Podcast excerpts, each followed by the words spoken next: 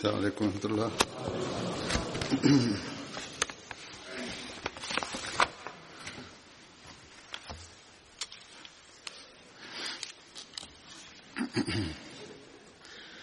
أشهد أن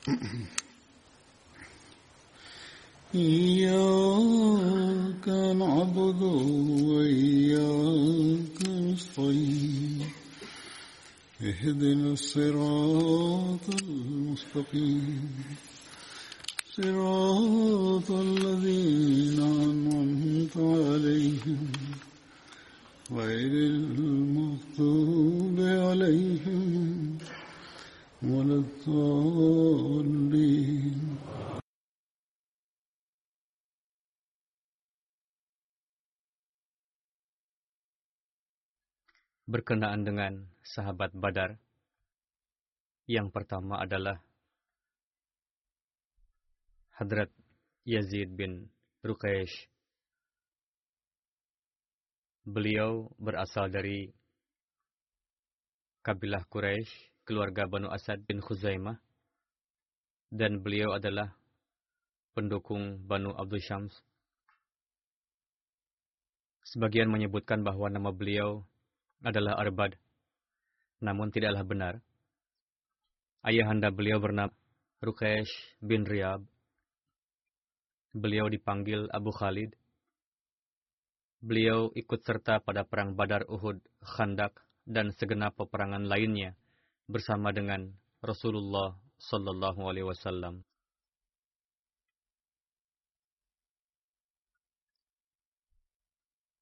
Pada perang Badar, beliau berhasil membunuh salah seorang dari kabilah T bernama Amru bin Sufyan. Seorang saudara beliau bernama Hadrat Said bin Ruqaysh yang hijrah dari Mekah ke Madinah beserta dengan keluarganya dan tergolong ke dalam muhajirin awalin. Salah seorang saudara beliau juga bernama Hadrat Abdurrahman bin Ruqaysh yang ikut serta pada Perang Uhud. Seorang saudari beliau bernama Hadrat Aminah binti Ruqaysh yang pada masa awal menerima Islam dan hijrah bersama dengan keluarga ke Madinah. Beliau syahid pada Perang Yamamah tahun 12 Hijri. Berikut adalah keterangan berkenaan dengan perang tersebut. Dan sebagiannya telah saya sampaikan secara singkat sebelumnya. Perang Yamamah terjadi pada masa kekhalifahan Hadrat Abu Bakar pada tahun 11 Hijri. Sebagian sejarawan berpendapat terjadi pada tahun 12 Hijri. Perang ini melawan Musailamah Al-Kazab yang bertempat di daerah Yamamah. Hadrat Abu Bakar mengutus satu pasukan untuk menghadapi Musailamah di bawah komando Hadrat Ikrimah bin Abu Jahal. Beliau juga mengutus satu pasukan di belakangnya untuk membantu di bawah komando Hadrat Syarjil bin Hasanah. Hadrat Ikrimah sudah mulai bertempur melawan Musailamah sebelum sampainya Hadrat Syarjil supaya mendapatkan kesuksesan, pun mengalami kekalahan atas Musailamah. Ketika Hadrat Syarabil mendapatkan kabar kejadian tersebut, beliau berhenti di jalan. Hadrat Ikrimah mengabarkan kejadian yang telah menimpanya kepada Hadrat Abu Bakar. Lalu Hadrat Abu Bakar menulis surat padanya. Janganlah kamu menjumpai saya dalam keadaan demikian. Aku juga tidak ingin menemuimu. Dan jangan juga kamu kembali ke Madinah karena bisa menimbulkan rasa ciut dalam diri orang-orang. Bawalah laskarmu untuk bertempur dengan pemberontak, Aman dan Mahra. Setelah itu, bertempurlah dengan para pemberontak di Yaman dan Hadramaut. Hadrat Abu Bakar menulis kepada Hadrat Syarabil bersabda, kalian tunggu saja kalian hingga tiba Hadrat Khalid bin Walid Lalu Hadrat Abu Bakar mengutus Hadrat Khalid bin Walid untuk menghadapi Musailama al-Kazab, disertai dengan pasukan besar dari kalangan muhajirin dan ansar. Yang bertindak sebagai pemimpin ansar adalah Hadrat Thabit bin Qais, sementara muhajirin, Hadrat Abu Huzaifah dan Zaid bin Khattab. Had Syarabil memulai bertempur melawan Musailamah sebelum tiba Hadrat Khalid bin Walid dan kalah. Hadrat Abu Bakar mengutus satu pasukan di bawah komando Hadrat Sulaid supaya tidak yang dapat menyerang pasukan Hadrat Khalid dari belakang. Hadrat Abu Bakar selalu bersabda, saya tidak ingin menggunakan sahabat badar. Saya memilih untuk meninggalkan mereka dalam keadaan di mana mereka berpa dengan Allah Ta'ala bersama dengan amalan salehnya. Berkat mereka dan orang-orang saleh, Allah Ta'ala menjauhkan musibah lebih afdol daripada meminta bantuan dari mereka secara amalan. Namun disebabkan oleh keterpaksaan mereka, mereka pun ikut serta. Pendapat Hadrat Umar bertentangan dengan itu. Beliau biasa menggunakan sahabat badar dan lain-lain Jumlah pasukan muslim pada peperangan tersebut adalah 13.000, sementara pasukan Musailamah al-Kadzab adalah 40.000. Musailamah al-Kadzab bersama dengan seseorang bernama Naharul Rijal bin Unfawa yang hadir ke hadapan Rasulullah untuk mempelajari Al-Quran dan masalah keagamaan. Rasulullah mengirimnya sebagai muallim ke penduduk Yamamah untuk membantah dakwaan kenabian Musailamah al-Kazab. Namun sesampainya di sana, orang ini malah murtad dan memberikan kesaksian palsu dengan mengatakan bahwa saya mendengar Rasulullah pernah bersabda, Rasul mengatakan, Musailamah telah disertakan denganku dalam kenabian. Nauzubillah. Walhasil, ketika murtad, menisbahkan Tuhan palsu adalah perbuatan orang-orang demikian.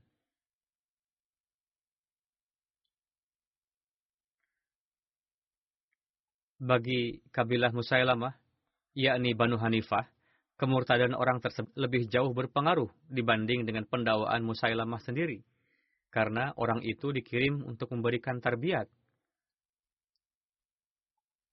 Ketika ia mengatakan hal demikian kepada orang-orang, mereka pun mulai terpeng.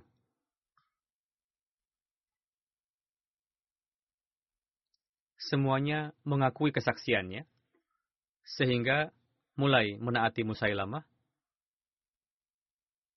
Akibatnya, orang-orang berkata kepada, tulislah surat kepada Nabi Shallallahu Alaihi Wasallam. Jika Rasul tidak mau menuruti, maka kami akan siap untuk membantumu dalam menghadapinya. Pernyataan pembangkangan dari mereka lah yang sebetulnya menjadi penyebab utama pecahnya peperangan. Ketika Musailamah mengetahui bahwa Hadrat Khalid semakin mendekat, maka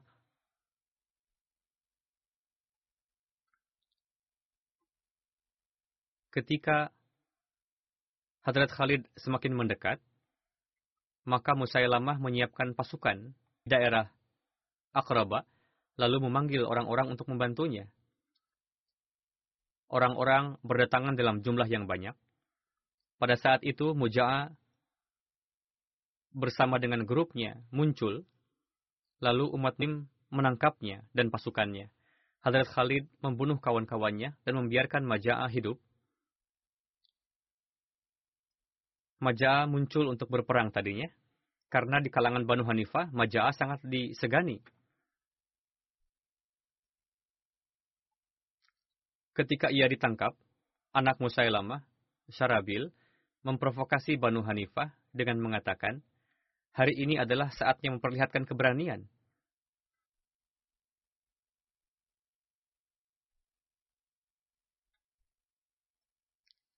Jika hari ini kalian kalah, maka wanita-wanita kalian akan dijadikan budak, akan dimanfaatkan tanpa dinikahi. Untuk itu kalian harus memperlihatkan keberanian pada ini dan jangan dan jagalah wanita-wanita kalian demi kehormatan kalian. Dimulailah perang.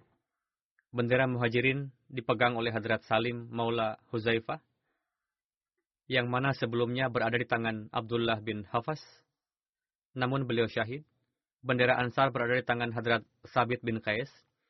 Sedemikian rupa dahsyatnya perang tersebut, sehingga tidak pernah dialami sebelumnya oleh umat muslim yang serupa itu.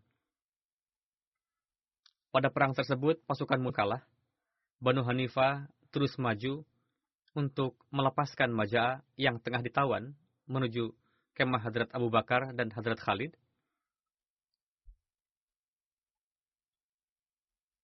Saat itu, saat itu istri Hadrat Khalid tengah berada di kemah. Mereka ingin membunuh istri Hadrat Khalid. Namun Majah berkata, Aku melindunginya. Ia melarang untuk membunuhnya. Majah memerintahkan pasukan untuk menyerang kaum pria. Lalu mereka kembali setelah merobohkan kemah peperangan semakin dahsyat dan kabilah Banu Hanifah bersatu lalu menyerang. Pada saat itu, terkadang pasukan muslim yang kewalahan, kadang sebaliknya. Pada peperangan tersebut, sahabat agung seperti Hadrat Salim, Hadrat Abu Huzaifah, dan Hadrat Zaid bin Khattab syahid. Ketika Hadrat Khalid melihat kondisi umat Islam demikian, beliau memisahkan setiap kabilah supaya dapat diperkirakan musibah yang dialami dan dapat diketahui dari mana serangan yang dialami umat muslim. Begitu juga beliau memisahkan barisan perang, lalu umat muslim saling mengatakan satu sama lain bahwa pada hari ini kami merasa malu melihat kondisi yang dialami saat itu. Tidak ada musibah yang lebih berat bagi umat muslim lebih dari hari itu. Musailamah masih bertahan pada tempatnya, dan dari pihak kufar merupakan markas perang. Hadrat Khalid telah menyadari bahwa sebelum Musailamah berhasil dibunuh, maka peperangan tidak akan berakhir. Lalu Hadrat Khalid tampil dan meminta untuk memisahkan diri dan meneriakan yel-yel perang yang berbunyi, Ya Muhammad, dan lain-lain.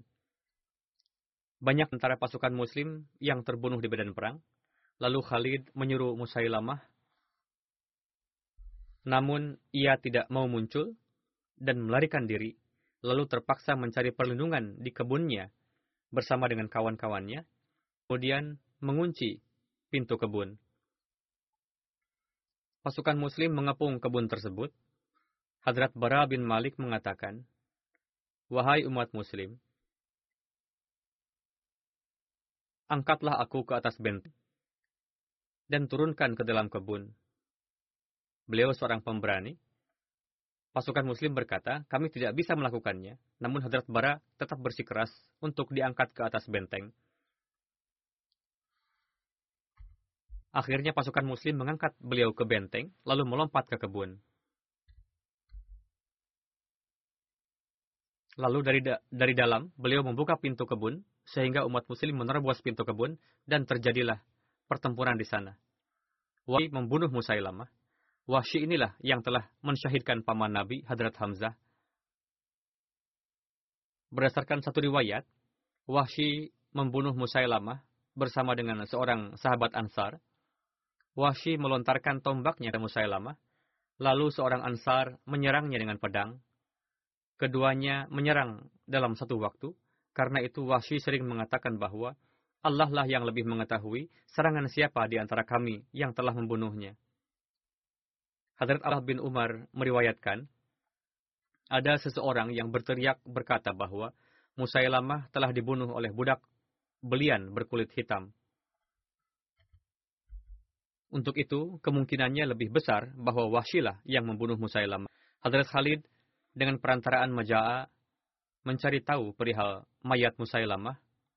Maja'a berkata kepada Hadrat Khalid dalam menghadapi pasukan muslim bahwa orang-orang tergesa-gesa dan tidak berpengalaman.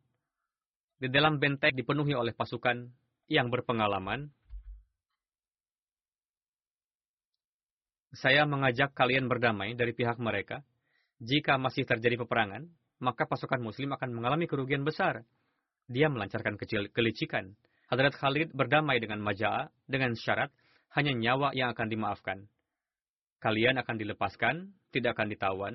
Selain itu, umat muslim akan menguasai segala sesuatu. Maja'a mengatakan, saya akan pergi menjumpai pasukan yang ada di benteng, untuk bermusyawarah dengan mereka, lalu kembali lagi. Musailamah telah mati sehingga kekuatan mereka telah melemah. Muja'a sampai di benteng. Yang ada di benteng, selain dari para wanita dan anak-anak dan orang tua dan yang lemah, tidak ada lagi yang lainnya. Dia berulah dengan memakaikan pakaian besi kepada para wanita dan berkata, kalian pergilah ke dekat benteng dan berdiri di sampai aku kembali. Orang itu datang menemui Khalid dan berkata, orang-orang yang ada di benteng tidak mau mengikuti syarat perdamaian.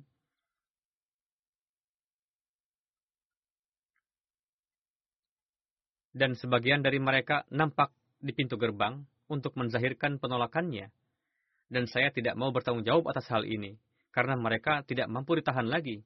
Hadrat Khalid melihat ke arah benteng yang dipenuhi dengan pasukan, padahal para wanita yang dipakaikan baju besi. Pada peperangan yang dahsyat tersebut, umat muslim mengalami kerugian. Peperangan berlangsung lama.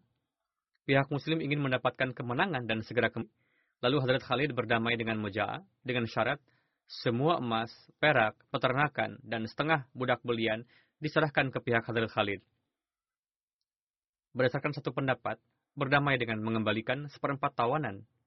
Pada peperangan Uhud, dari pihak Muslim, yakni dari antara Muhajirin dan Ansar, 360, dan selain Madinah, berjumlah 300 Muhajirin telah syahid. Sementara dari pihak Banu Hanifah, di Medan Keraba 7.000, 7.000 lagi di kebun, dan 7.000 kufar tertangkap ketika melarikan diri, berhasil dibunuh. Ketika laskar tersebut sampai di Madinah, Hadrat Umar bersabda kepada putranya, Hadrat Abdullah, Kenapa kamu tidak syahid sebelum Zaid? Zaid telah syahid, sementara kamu masih hidup. Kenapa kamu tidak menyembunyikan wajahmu dariku? Hadrat Abdullah menjawab, Hadrat Zaid memohon matahid kepada Allah Ta'ala, dan Allah Ta'ala mengabulkannya. Dan saya pun berusaha untuk itu, namun saya tidak meraihnya.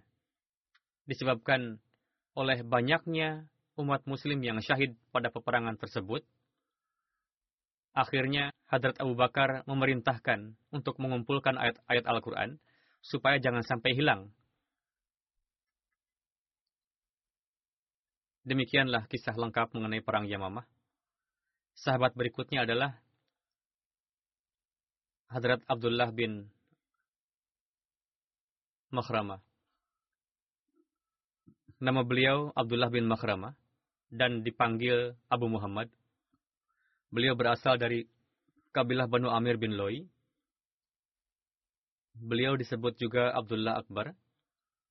Beliau termasuk Muslim awalin Ayahanda beliau bernama Makhramah bin Abdul Uzza. Ibunda beliau bernama Bahnana binti Abu Safwan.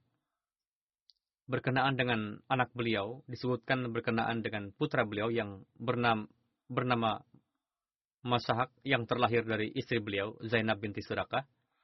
Beliau termasuk Muslim awalin. beliau mendapatkan kemuliaan melaksanakan dua hijrah.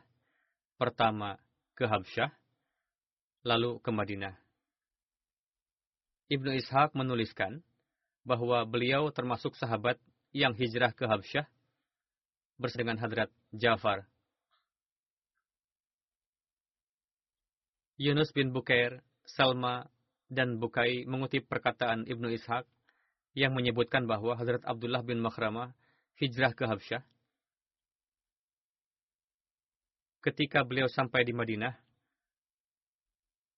tinggal di rumah Hadrat Kulsum bin Hidam, Rasulullah menjalinkan persaudaraan antara beliau dengan Hadrat Farwah bin Amru Ansari. Hadrat Abdullah bin Makhramah ikut serta pada perang Badar dan seluruh peperangan setelahnya. Ketika beliau ikut serta pada perang Badar, Saat itu beliau berusia 30 tahun. Beliau syahid pada zaman kekhalifahan Hadrat Abu Bakar Siddiq pada Perang Yamamah pada usia 41 tahun. Gejolak semangat Hadrat Makhramah untuk mati syahid sedemikian rupa tingginya, sehingga beliau selalu memanjatkan doa, Jangan wafatkan aku, sebelum aku melihat setiap luka pada setiap sendi tubuh Sebagaimana pada perang Yamamah, beliau mengalami luka pada bagian sendi yang membuat beliau syahid. Beliau adalah orang yang rajin ibadah. Ketika muda pun beliau rajin beribadah. Hadrat Ibnu Umar meriwayatkan, pada tahun perang Yamamah, Hadrat Abdullah bin Makhramah bersama dengan bekas budak Hadrat Abu Huzaifah, Hadrat Salim. Kami bertiga biasa bergantian menggembala kambing. Dan ada harta milik Laskar yang harus dijaga juga. Ketika peperangan dimulai, saat itu tiba giliran saya menggembala. Ketika saya kembali dari menggembala, saya melihat Hadrat Abdullah bin Makhramah tengah terjatuh dalam keadaan luka dalam peperangan. Saya menghampiri beliau, Beliau berkata, Wahai Abu bin Umar, apakah orang yang tengah berpuasa sudah berbuka? Saat itu waktu sore hari, saya jawab ya. Beliau berkata, bawakan air dengan menggunakan tameng ini untuk saya berbuka puasa. Hadrat Abdullah bin Umar berkata, saya pergi mengambil air, namun ketika kembali, beliau sudah wafat. Sahabat berikutnya adalah Hadrat Amru bin Ma'bad. Beliau bernama Umar bin Ma'bad. Ayah beliau bernama Ma'bad bin Azhar. Beliau berasal dari Ansar, kabilah Aus, ranting Banu Zabaya. Beliau ikut serta pada perang Badar, Uhud, Khandak, dan seluruh peperangan lainnya bersama dengan Rasulullah. Beliau termasuk ke dalam golongan seratus pemberani yang bertahan melawan pada perang Hunain dan mereka yang bertahan bersama dengan Rasulullah, Allah Ta'ala telah menjadi pencukup bagi dirinya. Diriwayatkan, Hadrat Abdullah bin Amru mengatakan, pada saat perang Hunain, keadaan kami sedemikian rupa, di mana dua grup umat muslim mundur, dan yang tertinggal bertahan bersama dengan Rasulullah tidak lebih 100 orang. Berkenaan dengan jumlah sahabat yang bertahan pada saat itu, terdapat perbedaan pendapat, yakni ada yang mengatakan jumlahnya ada 80 sampai 100 orang, ada yang mengatakan 100.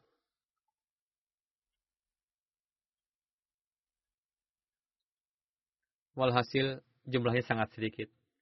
Sahabat Sahabatnya adalah Hadrat Numan bin Malik. Beliau disebut juga Hadrat Numan bin Malik bin Qawqal. Imam Bukhari menyebut nama beliau Ibnu Qawqal. Alamah Badruddin Aini, seorang ulama, menulis dalam Syarih Bukhari bahwa nama lengkap beliau adalah Nu'man bin Malik bin Salabah bin Asram.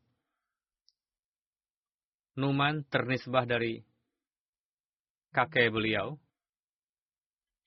Karena itu beliau disebut Numan bin Kokal. Beliau sedikit cacat dan berpengaruh ketika berjalan.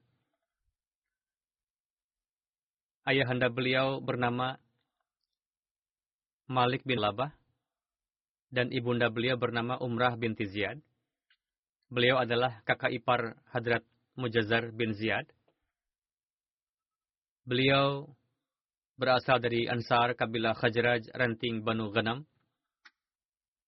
Kabilah tersebut dikenal dengan sebutan Kokal. Menurut Ibnu Hisham, Hadrat Numan bin Malik dikenal dengan nama Numan Kokal. Ibnu Hisham menyebutkan kabilah dengan Banu Dad. Kenapa disebut Kokal? Pernah saya sampaikan pada khutbah terdahulu, yakni ketika di Madinah, ada orang yang datang kepada seorang tokoh untuk meminta jaminan perlindungan, dikatakan kepada beliau, panjatlah gunung itu sesukamu, yakni sekarang kamu sudah aman, hiduplah sesukamu. Kembalilah dalam keadaan leluasa, janganlah takut pada siapa pun. Orang yang memberikan perlindungan itu disebut dengan kawak. Ibnu Hisham berkata, seorang ketua yang memberi perlindungan seperti itu, ia memberikan anak panah dan berkata, Bawalah anak panah ini dan kamu. Kakek Hadrat Nu'man, Salabah bin Dad, disebut sebagai Kokal. Begitu juga pemimpin kabilah Khajraj, Ghanam bin Auf disebut dengan Kokal. Begitu juga Hadrat Sa'ad bin Ubadah. Banu Salim, Banu Ghanam, Banu Auf bin Khajraj disebut juga Kawakila. Pemimpin Banu Auf adalah Hadrat Ubadah bin Samit. Beliau ikut serta pada perang Badar dan Uhud dan syahid pada perang Uhud. Beliau disyahidkan oleh Safwan bin Umayyah Berdasarkan riwayat lain, beliau disyahidkan oleh Aban bin Said, Hadrat Numan bin Malik, Hadrat Mujazar bin Ziyad, dan Hadrat Ubadah bin Hashas dikuburkan dalam satu kuburan pada ketika perang Uhud. Ketika berangkat menuju perang Uhud, beliau berkata kepada Rasulullah, ketika disampaikan musyawarah perihal Abdullah bin Ubay bin Sulul,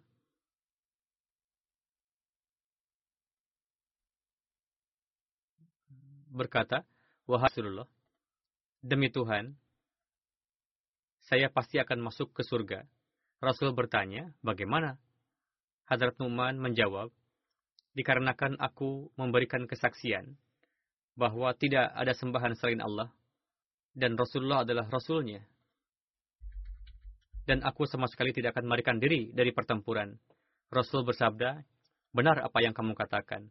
Lalu beliau syahid pada hari itu. Khalid bin Abu Malik jadi meriwayatkan, saya mendapatkan riwayat dalam buku ayah saya bahwa Hadrat Numan bin Qaukal Ansari berdoa, Demi engkau, ya Tuhan, sebelum matahari terbenam, saya sudah tengah berjalan-jalan di surga hijau bersama kelumpuhanku. Beliau syahid pada hari itu. Rasulullah bersabda, Allah telah mengabulkan doanya karena saya melihat dalam kasyaf ia tengah berjalan jalan di surga dan tidak ada ciri-ciri kelumpuhan apa pun dalam diri beliau. Hadrat Abu Hurairah meriwayatkan, saya datang ke hadapan Rasulullah. Beliau tengah berada di Khaybar, sementara sahabat telah menaklukkannya. Saya berkata, Wahai Rasulullah, berikan juga saya bagian. Putra Said bin As mengatakan, Wahai Rasul, jangan berikan bagian padanya. Hadrat Abu Hurairah berkata, Ia adalah pembunuh Numan bin Qawqal. Ibnu Said bin As berkata, Saya heran, pegunungan Zan yang berada di daerah Tihama merupakan salah satu bukit dari kabilah Hadrat Abu Hurairah. Kabilah Dos tengah berada di puncaknya. Ia tengah menggembala di sana, lalu datang kepada kami dan memburuk burukanku dengan berkata bahwa saya telah membunuh seorang muslim. Lalu berkata, orang yang telah diberikan kemuliaan oleh Allah Ta'ala melalui tanganku, dan aku tidak dihinakan dengan tangannya. Sufyan berkata, entahlah, apakah Rasulullah memberikan bagian kepadanya atau tidak. Hadrat Jabir meriwayatkan, Hadrat Numan bin Khawqal datang ke hadapan Rasulullah dan bertanya, Wahai Rasulullah, jika saya melaksanakan salat wajib dan berpuasa di bulan Ramadan, mengharamkan barang yang haram, dan menghalalkan barang yang halal, dan tidak melampaui batas tersebut, apakah saya akan masuk ke surga? Rasulullah bersabda, ya. Beliau berkata, demi Tuhan, aku tidak akan melampaui batas dari itu. Hadrat Jabir meriwayatkan, Numan bin Kaukal masuk ke masjid Rasulullah saat itu tengah menyampaikan khutbah. Rasulullah bersabda kepada beliau, Wahai Numan, salatlah dua rakaat. Di sini juga dijelaskan berkenaan dengan salat sunat ketika Jumat. Rasul tengah menyampaikan khutbah, mengatakan kepada Hadrat Nu'man, setelah dua rakaat dengan singkat,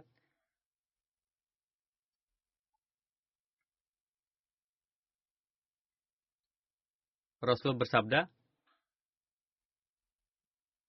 Barang siapa datang ketika khatib tengah menyampaikan khutbah, maka ia hendaknya salat dua rakaat secara singkat.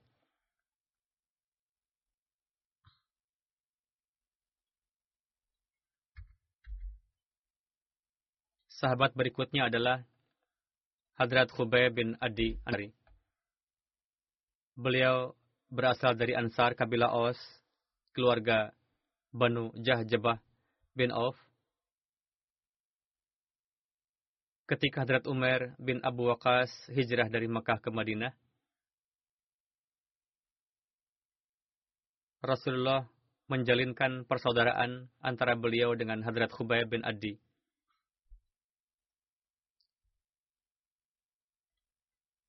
Beliau ikut serta pada perang Badar. Pada perang Badar beliau membunuh Haris bin Amir Ketika perang, beliau ditugaskan untuk mengawasi perlengkapan prajurit. Hadrat Khubayb bin Adi termasuk dalam perwaraji pada tahun 4 Hijri. Beliau dan Hadrat Zaid bin Dasna ditawan oleh kaum musyrikin dan dibawa ke Mekah. Sampainya di Mekah, kedua sahabat tersebut dijual anak Haris bin Amir beli Hadrat Khubayb supaya dapat membalas dendam atas terbunuhnya ayahnya. Haris yang telah dibunuh oleh Khubayb pada perang Badar. Menurut Ibnu Ishaq, Hujair bin Abu Ihab Tamimi membeli Khubayb yang merupakan pendukung anak Haris. Lalu anak Haris membelinya darinya supaya bisa membalas dendam atas kematian ayahnya. Dikatakan juga bahwa Uqbah bin Haris membelinya dari Banu Najjar. Dikatakan juga bahwa anak-anak Abu Ihab, Ikrimah bin Abi Jahal, Ahnas bin Shuraik, Ubaidah bin Hakim, Umayyah bin Abu Utbah, Hazami, dan Safwan bin Umayyah bersama-sama membelinya. Mereka semua adalah yang ayah-ayahnya terbunuh pada perang Badar. Mereka semua membelinya, lalu menyerahkan Khubayb kepada Uqbah bin Haris, lalu penjara di rumahnya. Dalam kitab Bukhari, berkenaan dengan peristiwa Raji, selengkapnya sebagai berikut. Hadrat Abu Hurairah meriwayatkan, Rasulullah Shallallahu Alaihi Wasallam pernah mengutus 10 pasukan pengintai yang dipin oleh Ashim bin Sabit. Dia adalah kakek dari Ashim bin Umar. Lalu mereka berangkat. Mereka kemudian singgah di Badah, tempat antara Usfan dan Mekah. Keberadaan mereka diberitahukan kepada suatu perkampungan dari suku Huzail. Mereka biasa disebut dengan Bani Lahyan. Maka mereka diikuti oleh orang-orang dari perkampungan tersebut, yaitu sekitar 200 orang, pemanah. Mereka mengikuti jejak para sahabat tersebut Sesampainya mereka di suatu persinggahan yang pernah disinggahi oleh para sahabat. Mereka mendapati biji kurma Madinah yang dibawa oleh para sahabat sebagai perbekalan mereka.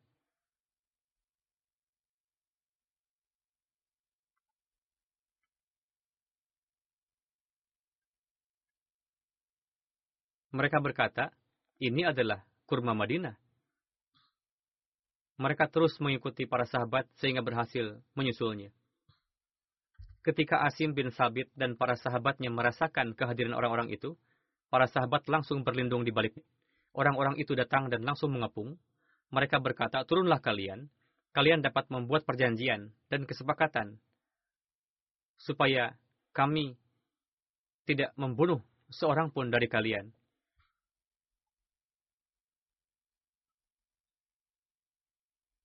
Asim bin Sabit menimpali, Demi Allah, aku tidak akan berada dalam lindungan orang kafir.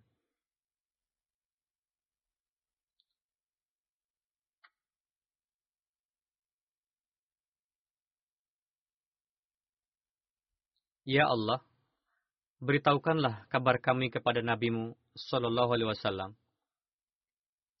Lalu mereka menyerang para sahabat yang berhasil membunuh Asim bersama tujuh pemanah lainnya. Tinggal tersisa Khubaib Ansari, Ibnu Dasnah, dan seorang sahabat lagi.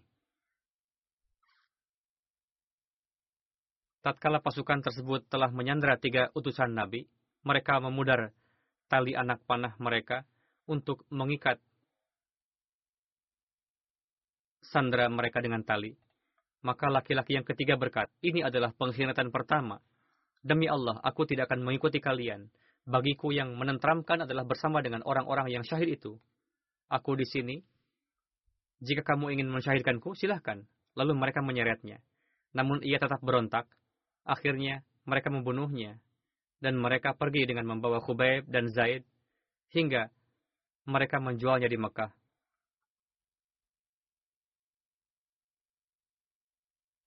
Banu Haris bin Amir bin Naufal lalu membeli Khubaib. Khubaib adalah orang yang telah membunuh Al-Haris ketika Perang Badar. Khubaib menjadi tawanan bagi mereka. Ibnu Syahab berkata bahwa Ubaidullah bin Ayyaz memberitahukan saya bahwa Khubaib meminjam pisau kecil dari salah satu anak perempuan Haris untuk bercukur.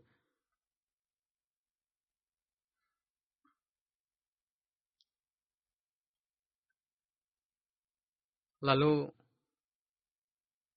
ia meminjamkannya kepada Khubaib.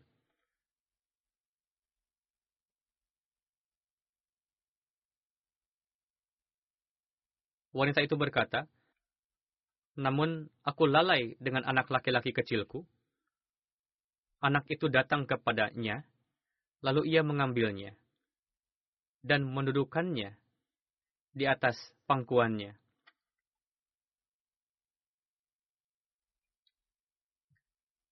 Ketika aku melihatnya, aku sangat takut dengan rasa takut yang bisa ia fahami.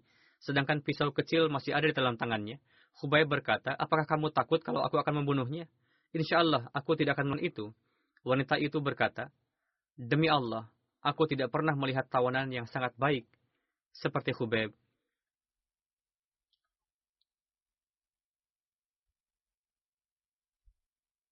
Aku pernah melihatnya memakan setangkai anggur di tangannya dalam keadaan terikat dengan rantai besi.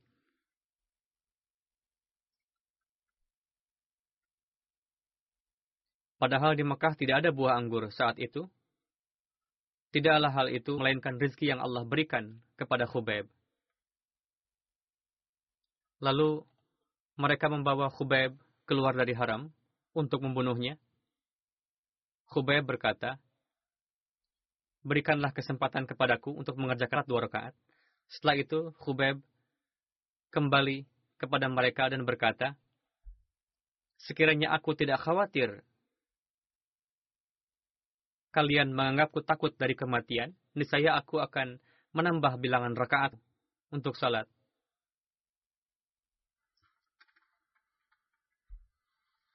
Dan beliaulah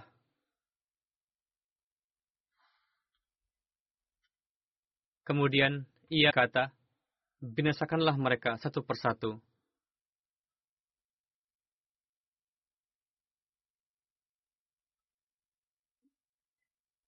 Kemudian beliau melanjutkan doa.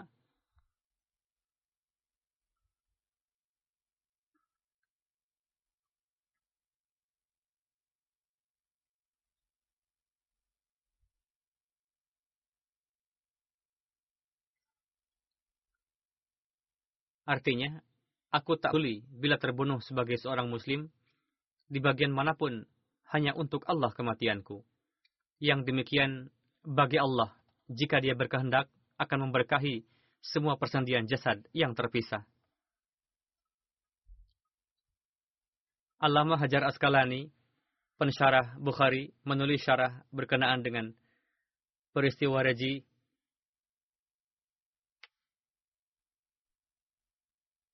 bahwa Hadrat Khubaib ketika disyahidkan mempunyai doa, Allahumma ahsihim adada. Ya Allah, hitunglah musuh itu supaya dapat dibalaskan dendam atas mereka.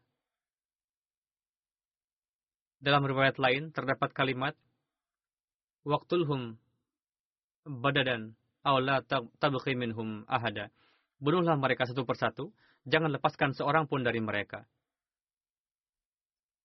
Setelah melaksanakan salat nafil, Hadrat Khubaib dibunuh oleh anak Haris Uqba.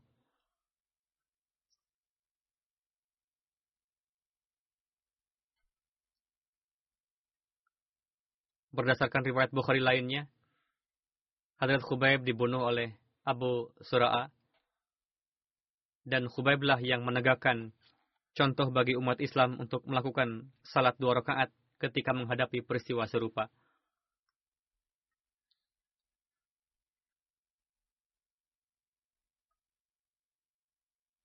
Allah Ta'ala mengabulkan doa Asim bin Sabit ketika disyahidkan.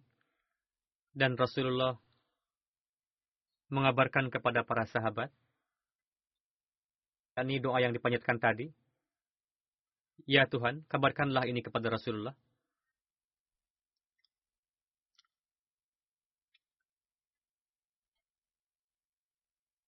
Ketika dikabarkan kepada kufar Quraisy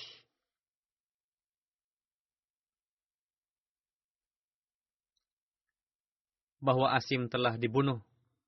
Lalu mereka mengirim beberapa orang untuk mengambil potongan jasad Asim sehingga dapat dikenali.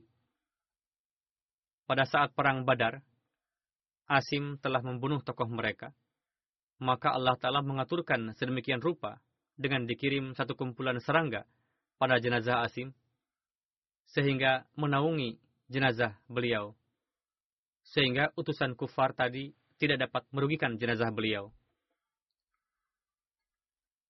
Ketika Hadrat Khubaib disyahidkan, atau ketika akan disyahidkan, saat itu beliau memanjatkan doa, Ya Allah, akan memiliki perantara yang dapat menyampaikan salam kepada Rasulullah. Mohon engkau sampaikan sendiri salamku kepada Rasulullah. Ketika Hadrat Khubaib dinaikkan ke tempat tinggi untuk dibunuh, berdoa, dan kita mendengar doa tersebut yang berbunyi Allahumma as asihim adadan waktulhum bidada. Yakni ya Tuhan hitunglah mereka satu persatu dan bunuhlah mereka. Orang musyrik itu ketakutan lalu berbaring di tanah. Riwayatkan bahwa belum berlalu satu tahun sejak saat itu kecuali orang yang berbaring di tanah itu semua orang yang ikut serta dalam pembunuhan Hadrat Khubaib kesemuanya mati. Hadrat Muawiyah bin Abu Sufyan meriwayatkan, saya berada itu bersama dengan ayah saya. Ketika ayah saya mendengar doa Hadrat Khubaib, beliau menyentuhkan saya ke tanah. Urwah meriwayatkan, mungkin ada juga yang lainnya. Walhasil di antara orang musyrik yang ada pada saat itu, Abu Ihab Akhnas bin Shuraik, Ubaidah bin Hakim, dan Umayyah bin Utbah ikut serta. Diriwayatkan juga bahwa Jibril datang kepada Rasulullah dan mengabarkan kejadian tersebut kepada Rasulullah. Lalu Rasulullah mengabarkan kepada para sahabat. Sahabat berkata, pada hari itu Rasul tengah duduk. Rasul bersabda, Waalaikumsalam, ya Khubaib. Wahai Khubaib, semoga keselamatan tercurah kepada engkau. Lalu Quraisy mengeksekusinya. Rasul bersabda, Allah Ta'ala telah mensaranai untuk menyampaikan salam. Ini adalah syarah Bukhari.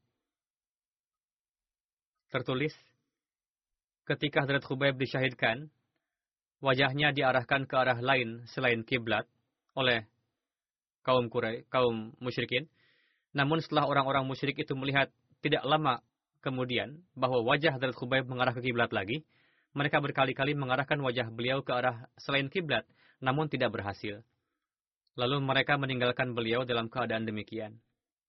Dalam riwayat lain dikatakan, orang-orang Quraisy menggantungkan jenazah Hadrat Khubaib pada dahan pohon, lalu dibunuh dengan cara ditusuk-tusuk dengan tombak. Dalam kumpulan tersebut ikut juga Said bin Amir. Orang tersebut di kemudian hari masuk Islam, Kondisinya sampai zaman Hazrat Umar ketika mengingat kejadian yang menimpa Khubaib karena beliau termasuk salah satu di antara orang yang menganiaya pada masa itu, membuat beliau pingsan ketika mengingatnya. Masih ada lagi beberapa kisah lainnya dari rujukan lainnya mengenai beliau, namun akan disampaikan pada khutbah berikut. Saat ini saya akan umumkan bahwa Departemen Tarikh Ahmadiyat telah membuat satu website dalam dua bahasa, Urdu dan Inggris, yang berisikan materi-materi tarikh Ahmadiyat dan juga yang berkaitan dengan riwayat hidup yang sudah diterbitkan di kalangan jemaat. Seperti Hadrat Masih Maud salam, para khalifah, para habat, para syuhada Ahmadiyat, para darwish kadian, para mubalik, dan buku-buku berkenaan dengan riwayat hidup tokoh-tokoh jemaat lainnya, makalah, foto-foto bersejarah, dan sekian banyak jilid tarikh Madiat yang sudah terbit, badan-badan sejarah jemaat di negara-negara dan kota-kota, tulisan-tulisan para tokoh jemaat, foto-foto tabarruk, surat kabar dan risalah yang penting dan pilihan, dimuat juga makalah-makalah penelitian dan bersejarah acara-acara jemaat yang penting dan foto bangunan-bangunan jemaat seperti masjid, rumah misi, lembaga-lembaga pusat markas, lembaga pendidikan, rumah sakit, klinik, kesaus, dan diberikan pengenalan secukupnya. Dimuat juga beberapa dokumenter dari MTA melalui perantaraan satu kanal video YouTube. Dalam website tersebut dimuat juga peristiwa-peristiwa sejarah penting dari awal mula berdirinya jemaat sampai saat ini disertai dengan timeline-nya. Insya Allah pada Jumat nanti saya akan meresmikan website tersebut. Kedua, satu kabar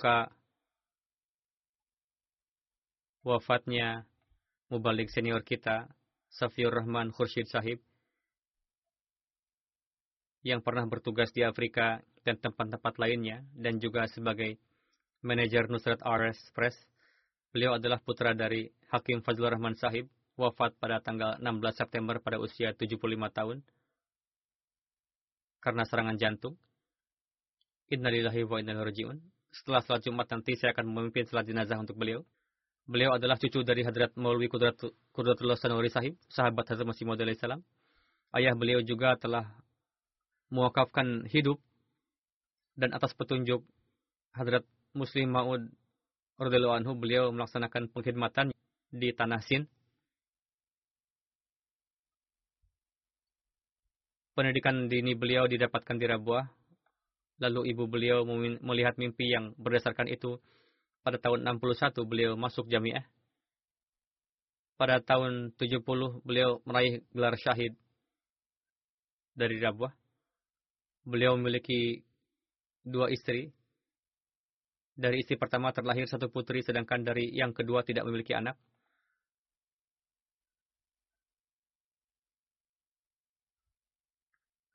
Putri beliau juga tinggal di sini bernama Roshan Ara, istri dari Jamil Ahmad Sahib. Setelah lulus jamiah, beliau bertugas untuk beberapa di perkantoran Markazi. Setelah itu beliau bertugas di Cakwal sebagai mubalik. Di sana beliau mendapat taufik untuk berkhidmat bersama dengan sahabat Hadrat Masih Maud salam, Hadrat Hakim Abu Sahib sampai satu tahun. Pada tahun 72 beliau ditugaskan ke Sierra Leone.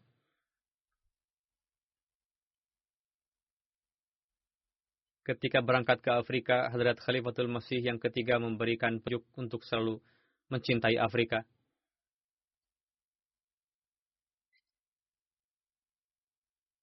Almarhum menuturkan bahwa beliau selalu memegang nasihat tersebut, lalu beliau menceritakan satu kisah pertolongan Allah Ta'ala Suatu ketika telah menempuh perjalanan panjang dengan berjalan kaki dan perahu pada sore hari, kami sampai di sebuah desa.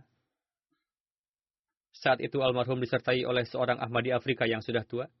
Ketika sampai di kampung tersebut, kepala kampung tengah tidak ada. Untuk itu berdasarkan aturan mereka, tamu dibawa ke kepala imam di sana.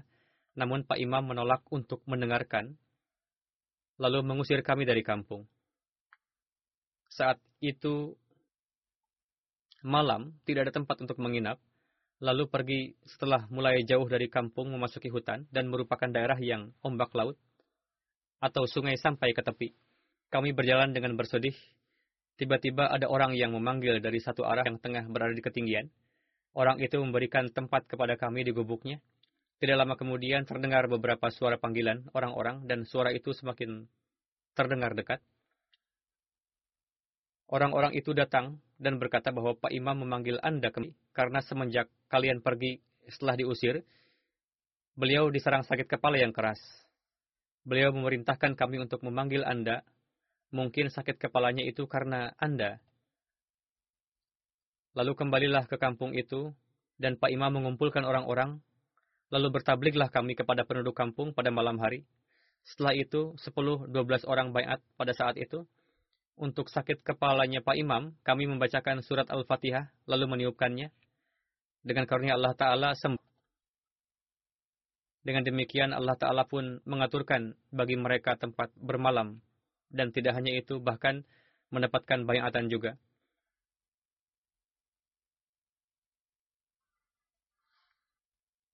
beliau mendapatkan kesempatan untuk mendirikan percetakan di Sierra Leone.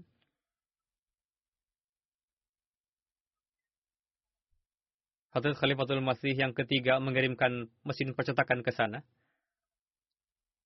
Pada masa itu belum mengalami kejuan dan almarhum telah berhasil menjalankan percetakan tersebut sehingga Hadrat Khalifatul Masih yang ketiga kerap memuji almarhum. Setelah itu beliau ditugaskan ke Nigeria. Di Nigeria pun beliau sukses menjalankan percetakan jemaat. Bahkan pada masa itu pernah terjadi kecelakaan di mana ketika bekerja, salah satu tangan beliau terpotong ketika menggunakan mesin. Beliau telah bat namun belum sembuh. Ketika Hadrat Khalifatul Masih ketiga mendapatkan kabar tersebut, dan mungkin saat itu beliau tengah berada di London, Lalu beliau bersabda kepada almarhum untuk menjalani pengobatan di dan dengan karunia Allah Ta'ala hasilnya baik.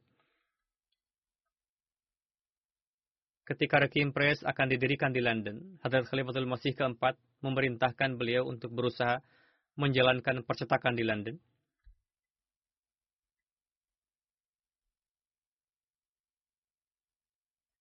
Komite yang dibentuk pada masa itu di antaranya termasuk Mustafa Sabir Sahib dan Mubarak Saki Sahib dan sejak saat itu percetakan berjalan sampai saat ini. Beliau mendapatkan taufik untuk berkhidmat di negeri Afrika, di antaranya Sierra Leone dan negeri di Nigeria selama 17 tahun.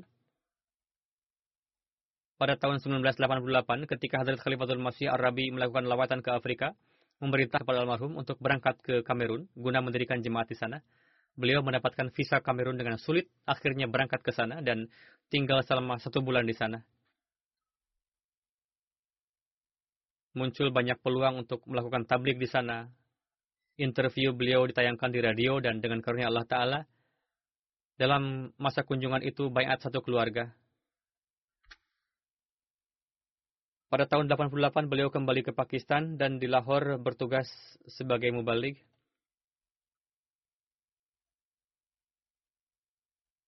Dalam berbagai kesempatan beliau hadir pada jelasah London dan juga berkhidmat di kantor private secretary. Pada tahun 91 beliau mendapatkan taufik berkhidmat di Nusrat Art Press Manager disebabkan karena stroke sekian masa, lalu beliau mengambil pensiun. Semoga Allah telah menganugerahkan kasih sayang dan magfirahnya, meninggikan derajat kepada beliau, dan semoga putri beliau diberikan kesabaran begitu juga istri beliau. Amin.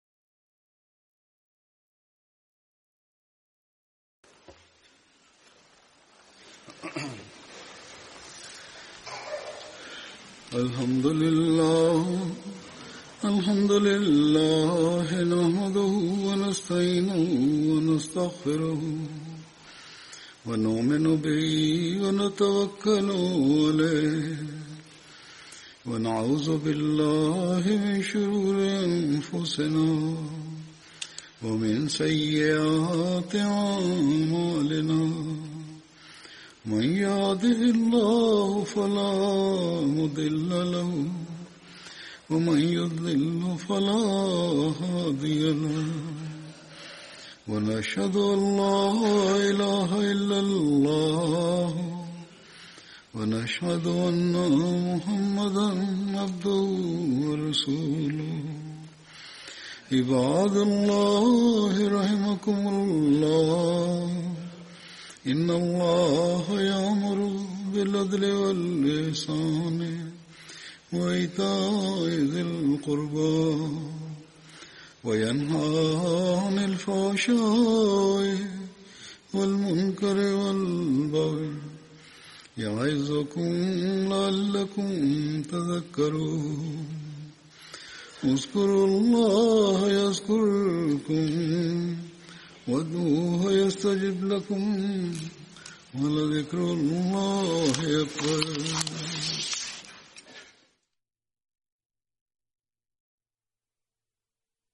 اللهم صل على محمد وعلى آل محمد.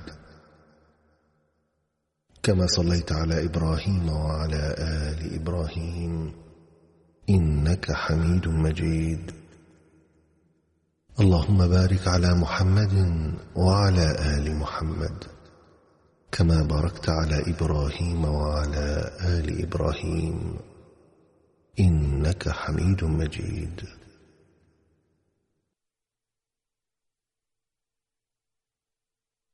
أعوذ بالله من الشيطان الرجيم. بسم الله